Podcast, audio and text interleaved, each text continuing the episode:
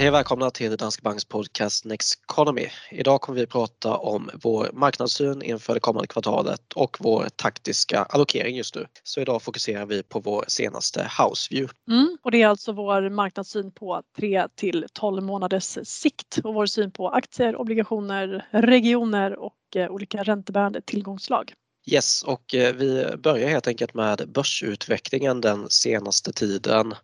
Och den har ju varit ganska så negativ får man säga här i början av året. Framförallt där i början så vet jag att vi fick eh, protokollet från decembermötet från Feds sida och där visade det sig att de var hökaktiga eh, och eh, man, man skulle både höja räntan och dra ner på balansräkningen under året. Så i början var det mycket inflations och eh, ränteuppgång då som fick börsen att falla.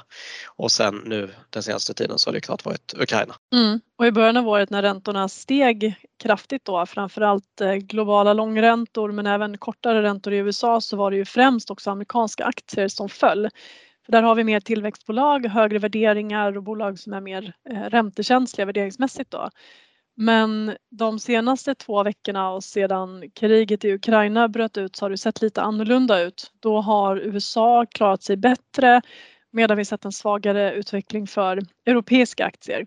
Det där är ett klassiskt eh, sånt där flight to safety att man vill ha amerikanska aktier om man vill ha amerikansk dollar. Så det har man kunnat se både att den amerikanska dollarn har gått starkt och att den amerikanska börsen har hållit emot ganska bra. Och svenska mm. kronan har ju fallit. Mm. Och sen årsskiftet nu så har ju amerikanska aktier backat ungefär 13 procent, Europa är ner nästan 15. Tillväxtmarknader har klarat sig bättre, de är ner 7-8 procent. Men Stockholmsbörsen då tillhör ju en av de största förlorarna i år och ner drygt 20 procent. Men då gick den också upp å andra sidan väldigt starkt eh, under fjolåret då. Sen har vi ju det som du nämner här att kronan samtidigt tappat mot i stort sett alla andra valutor men kanske framförallt mot dollarn då på grund av den här flykten till säkra hamnar. Och det är faktiskt rätt bra för det blir ju en stötdämpare om man har en bra riskspridning och en global portfölj. Så tittar man på hur utvecklingen ser ut i svenska kronor då för en svensk investerare som har amerikanska aktier eller fonder så är nedgången mindre än 4% i år. Ett globalt index har fallit en 2-3 mätt i svenska kronor.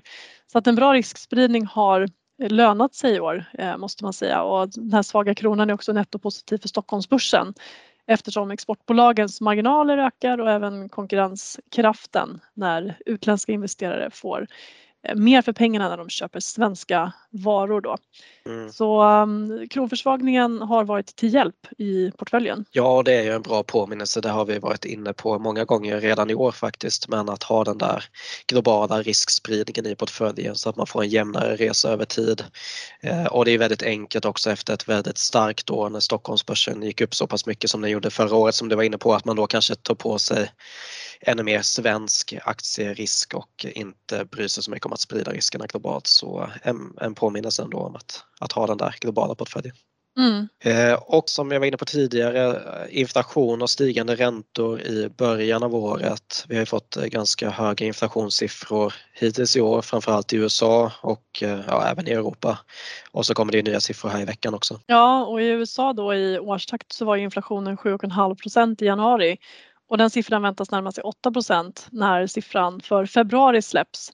Och det vi har sett den senaste tiden också är att vi har haft bredare prisuppgångar. Det har inte bara varit de pandemirelaterade prisuppgångarna så att det är fler varor som ökar i pris och i USA så stiger ju även lönerna då. Även för svensk och europeisk del så har inflationen ökat mer än väntat även om den inte nått upp till de amerikanska nivåerna och den kanske viktigaste skillnaden skulle jag vilja säga det är att kärninflationen har förblivit lägre. Det vill säga den inflation som centralbankerna tittar på som är rensad bland annat för volatila energipriser just därför att de rör sig väldigt mycket och det är inte de man framförallt styr eh, med penningpolitiken. Så att man tittar på kärninflationen rensad för det här då. Och den ligger ju lägre eh, för svensk och europeisk del än vad den gör i USA. För amerikansk del så var den uppe på 6% i januari medan den är mellan 2,5 och 2,7 eh, procent för Europa och eh, eh, Sverige. Då. Så det ser lite annorlunda ut. Men eh, det här har ju bidragit till förväntningar på penningpolitiken och att marknadsräntorna också har stigit. Jag tänker vi återkommer till penningpolitiken här lite senare men eh, bara för att eh, fortsätta med börsutvecklingen så ska vi säga någonting om kriget i Ukraina då. Det är alltså en del i det är ju såklart de stigande energipriserna som har gjort att oron har ökat också och bland annat oljepriset har ju stigit kraftigt här i veckan. Ja det har det och konsekvenserna blir ju störst för Europa. Oljepriset stiger kraftigt men framförallt har ju gaspriset stigit. Och i Sverige och i de andra nordiska länderna så är beroendet av rysk gas ganska litet.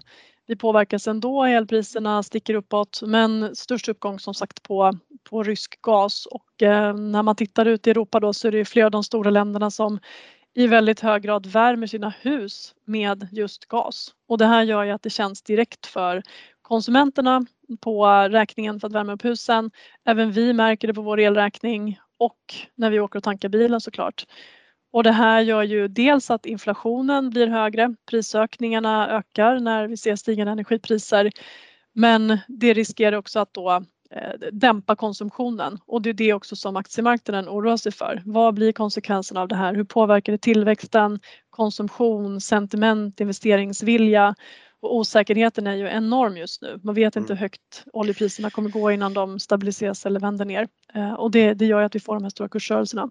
Och då har vi ändå redan sett det här skiftet, att det var på gång i alla fall från den här stora varukonsumtionen som vi hade under förra året till att vi skulle få mera tjänstekonsumtion eh, som ju då skulle kunna bidra till att dämpa inflationen. Men mm. nu så kan det ju tyvärr vända tillbaka lite igen då. Mm. Sen när det gäller vinsttillväxt och värderingar och sådär på börsen med tanke på det som händer just nu så har vi haft en förväntansbild eh, globalt, alltså estimaten har legat på en vinsttillväxt på ungefär 7% för globala aktier men den kan ju hamna lite grann under press av det här då, osäkerhet, stigande energipriser. Det positiva är att värderingarna har kommit ner en hel del och på ett globalt index har P talet gått från ja, 19, 20 under 2021 till 16 nu. Så att multiplarna ser faktiskt lite mer attraktiva ut. Sen spelar inte det så stor roll för kursutvecklingen på kort sikt och det speglar att riskerna har ökat. Men det är klart att ett, ett lite lägre P-tal är bra jämfört med de här historiskt höga nivåerna som vi såg under fjolåret. Ja, och eh, det man kan se ganska tydligt, eller har kunnat se de senaste åren, är ju att vi hade en då multipel expansion 2019 och även 2020. Alltså där värderingarna var det som bidrog till majoriteten av kursuppgångarna. Medan under förra året så hade vi faktiskt en multipel kontraktion, alltså vinsttillväxten steg mer än värderingarna. Mm. Eh, och nu då så ska vi väl kanske snarare då få en normalisering i vinsterna. Vi hade ju jättestark vinsttillväxt under förra året. Så då kanske man får ett scenario där de ska bidra lika mycket ungefär under året igen och det mm. kanske då bäddar för att vi inte får den där eh, samma fina utvecklingen som vi kunde se förra året och kanske inte samma de här studsarna som vi har varit vana vid. Att så fort man får en nedgång så ska det rakt upp igen. Och det handlar väldigt mycket också om penningpolitiken skulle jag vilja säga. Och vi återkommer kanske till den lite senare men penningpolitiken har varit extremt stöttande för börsen. Både i form av låga räntor som gjort att det funnits en brist på alternativ till aktier och att man velat betala mer för tillväxten som finns på börsen. Men också de här enorma obligationsköpen som hela världens centralbanker har ägnat sig åt som bidragit till att det hela tiden flödat in ny likviditet på marknaden och att även ganska små nedgångar väldigt snabbt har sett som ett köptillfälle och det strömmat in nytt kapital och så har det vänt uppåt igen. Och där har vi ett stort skifte när vi gick in i 2022 redan innan eh, kriget i Ukraina bröt ut.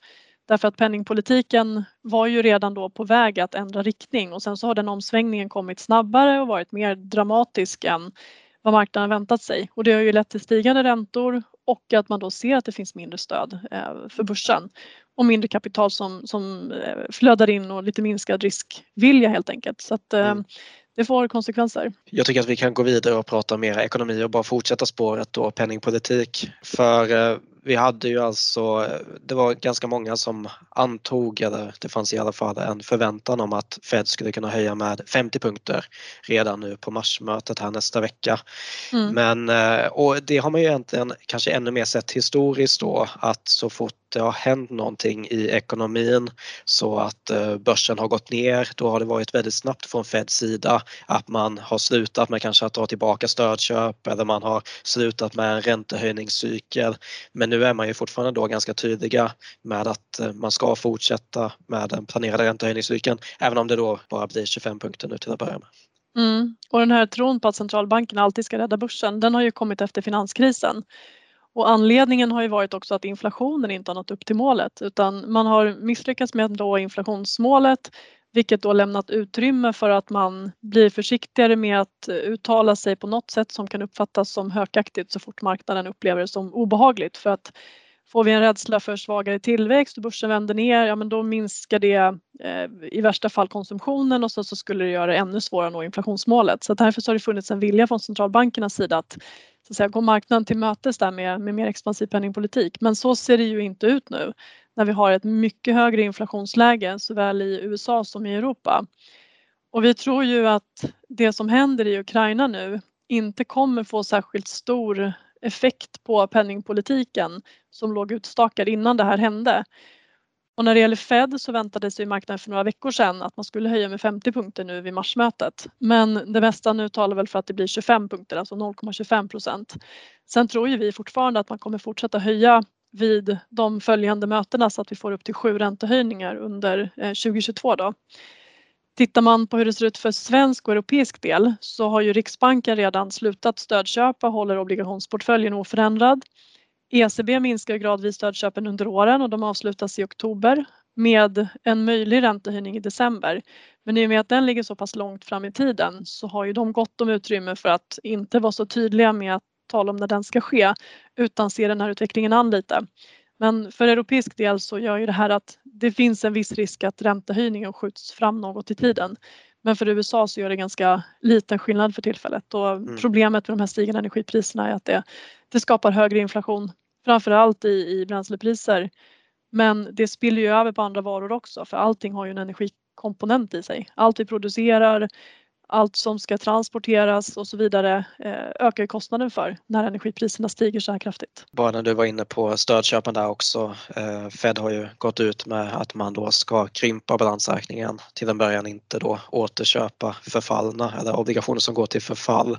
Så det där kommer ju också vara åtstramande då för ekonomin och såklart kunna påverka börsen negativt också. Mm. Likviditet ut från marknaden och inte in. Mm.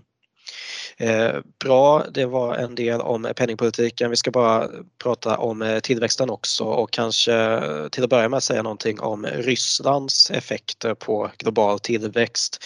Eh, Ryssland är ju ingen jätte jättestor ekonomi och bidraget till den globala tillväxten är ju inte, inte jättestor. Det är väl snarare andrahandseffekterna som kan vara negativa som vi var inne på tidigare då med de här stigande olje och energipriser, gaspriser då, eh, som kan ge eh, negativ effekt på tillväxten. Och sen så finns det ju en risk också om man då inför eh, dels sanktioner eller importförbud för rysk olja eh, eller om Ryssland då som man hotat med nu på slutet ska strypa gastillförseln till Europa. Då kan det ju få större konsekvenser men vi är ju inte riktigt där ännu och det finns nog en ovilja från båda sidor att gå så långt eftersom konsekvenserna blir stora eh, såväl för rysk som för eh, framförallt europeisk del. Då. Men det här kan ju ändå som sagt påverka eh, dels energipriserna när vi värmer hus och tankar bilar men det kan också påverka förstås alltså sentiment, annan konsumtion och investeringsvilja så att den risken finns ju. Men vi skulle väl ändå tro att när den här första akuta oron har lagt sig så är ekonomin i grund och botten i så pass gott skick och så stark med starka arbetsmarknader och en arbetslöshet som för europeisk del är lägre än innan coronakrisen. Ekonomin är så stark att den, den tål det här. Det kommer få en negativ effekt men å andra sidan så är konsumtionen av varor förhöjd efter krisen så att det finns utrymme för den att falla tillbaka utan att vi för den skull pratar om att vi hamnar i en recession. Och för hushållen så är eh, energirelaterade kostnader en förhållandevis liten del. Så att det, det, här bör inte leda till lågkonjunktur om inte konflikten blir väldigt långdragen och vi får en lång period med väldigt höga energipriser. Då blir det en annan sak. Men det är inte vårt eh, huvudscenario. Sen finns det ju förutom energipriser en del andra priser som också sticker iväg. Det pratas mycket nu om stigande matpriser till följd av att Ukraina är en stor veteproducent och eh, när den uteblir så stiger priset på vete som finns i en mängd olika eh, matvaror. Vi har också mycket industrimetaller som Ryssland är en stor exportör av så att det finns ju effekter eh, och det kommer inte vara helt lätt att Eh, lösa det här med andra produktionskedjor eh, för bolagen utan det är en process som förmodligen kommer ta år att frigöra sig helt från beroendet av, av Ryssland om det ens går. Mm. Eh, men som sagt, vi tror att ekonomin eh, i dagsläget tål det här att det inte blir någon ny lågkonjunktur och det talar ju också för att börsen så småningom ska stabilisera sig. Mm.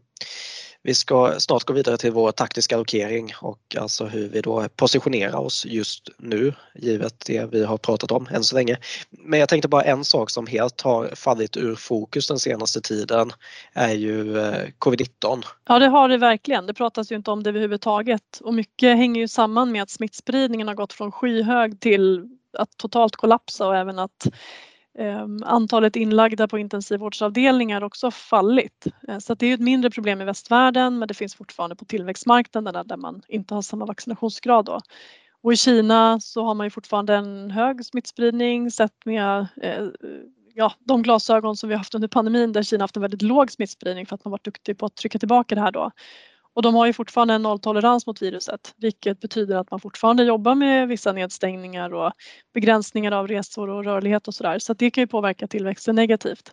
Så att det, där, det finns där fortfarande till viss del eh, men för tillfället så är det helt i skymundan av penningpolitik och krig. Och med mindre än att det kommer en ny variant av viruset som orsakar nya problem så skulle jag säga att det här kommer inte vara någon stor fråga för aktiemarknaden under 2022. Nej. Bra, då går vi vidare på vår taktiska allokering och då är det ju så att vi behåller vår neutrala vikt i aktier som vi haft tidigare. Så i en balanserad portfölj med 50% aktier och 50% räntebärande vill vi helt enkelt att man ska ha de där 50-50 hur går det sig? Ja, vi tog ju ner risken i slutet av november från övervikt till neutral och då handlade det ju om dels penningpolitik men också ökad smittspridning och eh, smittspridningen fick ju effekter till en början men sen så har det handlat om då omsvängning i penningpolitiken och sen så har det här kriget kommit som vi inte hade förutsett. Um, så att det är liksom bakgrunden till detta. Och vi tycker fortfarande inte att det är dags att öka risken på grund av att osäkerheten är så pass stor och vi ser enorma kursrörelser inom enskilda dagar och veckor. Men å andra sidan då så tycker vi inte heller att man ska lämna börsen just nu. Och eh, det kan synas lite grann på fondflöden för tillfället att sparare till viss del flyr aktie och Sverigefonder, att man väljer obligationsfonder istället. Men det tycker vi inte är någon bra idé utan det är bättre då att ha den här liksom långsiktiga balansen i portföljen och att våga ha is i magen och se tiden an lite grann. För problemet om man lämnar börsen nu och kanske säljer av Sverigefonder som har gått dåligt i år eh, och då väljer obligationsfonder det är att man missar uppstudsen när den kommer för att förr eller senare så kommer det vända. Och när osäkerheten minskar, börsen vänder upp, då väntas också räntorna stiga vilket gör att obligationsfonder i det fallet kommer ge negativ avkastning. Så att det där kan ju bli en, en dubbel negativ sak om man som långsiktig sparare eh, blir skrämd och lämnar börsen. Så att bättre liksom en, en riskbalans som man är bekväm med både bra och dåliga börsdagar och på lång sikt. Ja, och sen så kan det finnas en poäng med att rebalansera portföljen nu också. Dels då om det är så att hela fördelningen mellan aktier och eh, räntebärande har förändrats eller också som vi var inne på där i början på regionsnivå. Är det så att man hade den där diversifierade portföljen i början på året då är det faktiskt dags att köpa svenska aktier nu om man har en svensk andel i portföljen också. För som du var inne på där, den svenska delen har ju gått väldigt svagt. Så om man då ska göra någonting så gäller det ju då att rebalansera mm. portföljen nu men inte då sälja i panik som vi ju tyvärr ser att många gör. Mm, precis och eh, vi har ju fortfarande positiva avkastningsförväntningar på 12 månaders sikt. Det ligger på 5 till 10 procent. Vi tror som sagt inte att vi står inför en global lågkonjunktur och pressen på börsen har varit ganska stor på slutet. Inte alls omotiverat ehm, men å andra sidan så tror vi inte heller att det kommer bli eh, något långvarigt börsras då utan om 3 till 6 månader så väntar vi oss att börsen i likhet med hur det sett ut historiskt eh, när ett krig brutit ut kommer att stå högre då. Och som sagt värderingarna har kommit ner, konsumtionen har utrymme för att sjunka lite utan att det för den skulle innebära en, en ny lågkonjunktur. Men återigen i närtid så är risken hög och man ska vara inställd på att det kan röra sig ganska kraftigt en period till innan vi har mer klarhet i eh, hur det blir med eh, inte minst energipriserna men eh, också påverkan på konsumenter och ekonomin. Då. Mm. Och om vi kollar på regionsnivå då så gör vi en förändring nu och det är att vi eh, tar ner USA till neutral och istället då viktar vi upp eh, tillväxtmarknader. Ja, och i USA har vi haft en övervikt under en eh, längre period och vi bedömde i början av det här året då att USA skulle få mer motvind från stigande räntor än andra marknader på grund av den höga andelen tillväxtbolag. Det hade ju USA då i början av året men å andra sidan så är det här också en trygg hamn i osäkra tider så att nu när kriget brutit ut så har vi också sett att amerikanska aktier har klarat det eh, ganska bra. USA är också relativt skyddat från, från krisen i Ukraina. Ja, sen har ju räntorna sjunkit tillbaka också. Mm. Men, men det här är ju snarare då ett eh, ett resultat av krisen just nu. Det är inte så att vi förväntar oss att räntorna ska sjunka utan vi tror ju fortfarande på en stigande ränta under året. Mm, precis, vi tror på stigande ränta under året. Så att, um, vi tar USA från övervikt till neutral ska också sägas. Det är inte så att vi är negativa till amerikanska aktier men vi ser inte längre samma drivkrafter som vi gjort uh, under pandemin. Då. Och Sen lyfter vi ju tillväxtmarknader. Ja. Och eh, man kan väl börja konstatera att det var en väldigt kraftig skillnad i utveckling mellan eh, tillväxtmarknader och utvecklade marknader under fjolåret och framförallt gällde det Kina då som gick hela 40 procentenheter sämre än ett världsindex. Så medan ett globalt index steg över 20 så backade kinesiska aktier med över 20. Så det är en enorm skillnad och det är inte bara det vi baserar det på men vi tycker att den här ehm, svaga utvecklingen under fjolåret den var eh, motiverad mot bakgrund av att tillväxten var en besvikelse, nolltoleransen mot covid-19, Eh, slog mot ekonomin till och från. Regleringar införde man som slog mot både teknikbolag eh, på börsen, utbildningsbolag bland annat och det här gjorde ju att sentimentet kring kinesiska aktier blev väldigt svagt. Nu i år så tror vi att det finns utsikter för att det här ska bli en, en bättre resa och eh, den övervikt som vi har i emerging markets då, det är i, i Asien, så att fokus Asien. Och här ser vi ju dels att konsekvenserna av kriget främst sker då genom inflation, men inflation är inte ett lika stort problem i Asien och Kina och genom handel, men samröret med Ryssland är förhållandevis eh, litet då. Så att den, konsekvens, den effekten blir mindre än för Europa till exempel. Sen är värderingarna attraktiva och vinsttillväxten som förväntas i år i Indien och Kina då är ungefär dubbelt så höga som eh, i västvärlden. Tittar man på Kinas tillväxtmål i år så sattes det eh, alldeles nyligen till 5,5 procent för 2022 och det här var högre än väntat. De flesta estimat pekade på att den skulle kanske komma in kring 5 procent men man vill sikta alltså på 5,5 procent. Och i Q4 2021 så var tillväxten 4 procent i årstakt så ska man mm. accelerera upp till 5,5 procent i år då behöver man trampa lite grann på stimulansknappen eh, igen. Och det finns väl kanske anledning att göra det från kinesiskt håll för de har ju ett nyval där också, en partikongress här i höst. Och eh, de har ju medel också, alltså de har ju redan stramat åt penningpolitiken här under 2021 så det är lite enklare för dem att vara expansiva nu och det är samma sak med finanspolitiken skulle de ju också kunna vara mer expansiva. Mm. Så det finns nog, eh, det finns ju möjlighet för dem att nå upp till de här tillväxtmålen. Ja, och det är ju en möjlighet som man inte har i västvärlden för tillfället med tanke på inflationsläget. Eh, så att det, det Kina kan göra i år, det kommer inte västvärlden kunna göra. Och sen precis som du säger inför den här eh, tredje mandatperioden som Xi Jinping siktar på att bli återvald till i oktober så vill han kunna visa upp en stark ekonomi för då kommer han ha eh, folkets stöd i eh, högre grad då. Och vi har också sett nu att man har varit ute och pratat om just ökade stimulanser via dels penningpolitiken men också att man ska stabilisera bostads och fastighetsmarknaden som också var ett, ett betydande orosmoln under eh, fjolåret. Då. Så mm. att det här eh, gör ju att vi tror att kinesisk tillväxt snarare kommer att överraska positivt än negativt i år. Det spiller också över på andra asiatiska ekonomier och låga värderingar, bra vinsttillväxt, stimulanser på ett annat sätt än vad vi ser i resten av världen eh, tror vi kommer vara en, en positiv drivkraft för asiatiska eh, börser i år. Så övervikt eh, emerging markets med fokus på Asien är mm. nyheten här då. Och så ska vi bara säga någonting om räntedelen av portföljen också. Och eh, där har vi fortsatt då en övervikt i företagsobligationer investment grade och så har vi då en undervikt i statsobligationer. Och statsobligationer ger ju en låg förväntad avkastning på grund av det låga ränteläget och med tanke på att vi på lite sikt väntar oss att riktningen för räntorna fortsätter uppåt så kommer det vara en motvind ytterligare för avkastningen. Men sen är ju fortfarande statsobligationer majoriteten av den räntebärande delen av portföljen men vi drar ner den något då och sen så väljer vi istället att addera lite extra investment grade. Och här kan vi se att räntenivåerna är högre än i statsobligationer eh, så att eh, den genomsnittliga räntan i ett globalt investment grade index är ungefär 1,5 procent högre än i statsobligationsindex. Och samtidigt då så får vi en lägre risk än i exempelvis high yield och ehm, eh, tillväxtmarknadsobligationer så att vi har en högre kreditvärdighet och eh, ökad stabilitet här. Då. Och I perioder när vi får turbulens på marknaden som vi sett nu så gör det att investment grade påverkas mindre negativt av eh, till exempel svagare tillväxtutsikter än vad de här obligationslagen med högre risk gör. Så att investment grade tycker vi är ett, ett bra sätt att eh, till en begränsad risk addera lite extra avkastning i en ränteportfölj där eh, den förväntade avkastningen är ganska låg. Mm, bra.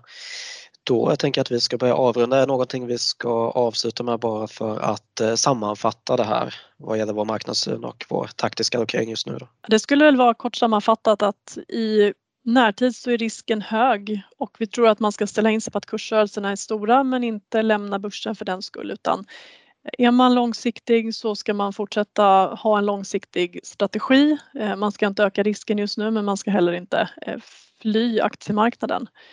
Ehm, vi tror att börsen står högre om 3 till 6 månader och vi tycker att om man ska öka lite grann i en aktiemarknad för tillfället så kan man titta på eh, tillväxtmarknaden Asien som vi tycker ser intressant ut.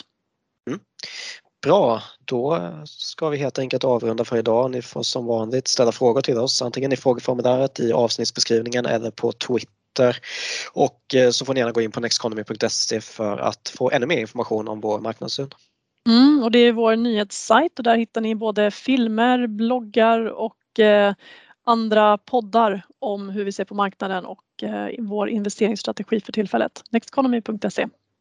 Och eh, nästa avsnitt kommer om två veckor med ett nytt tema så då får ni gärna lyssna då också. Vi tackar för idag och så hörs vi igen då. Mm, ha en fin vecka!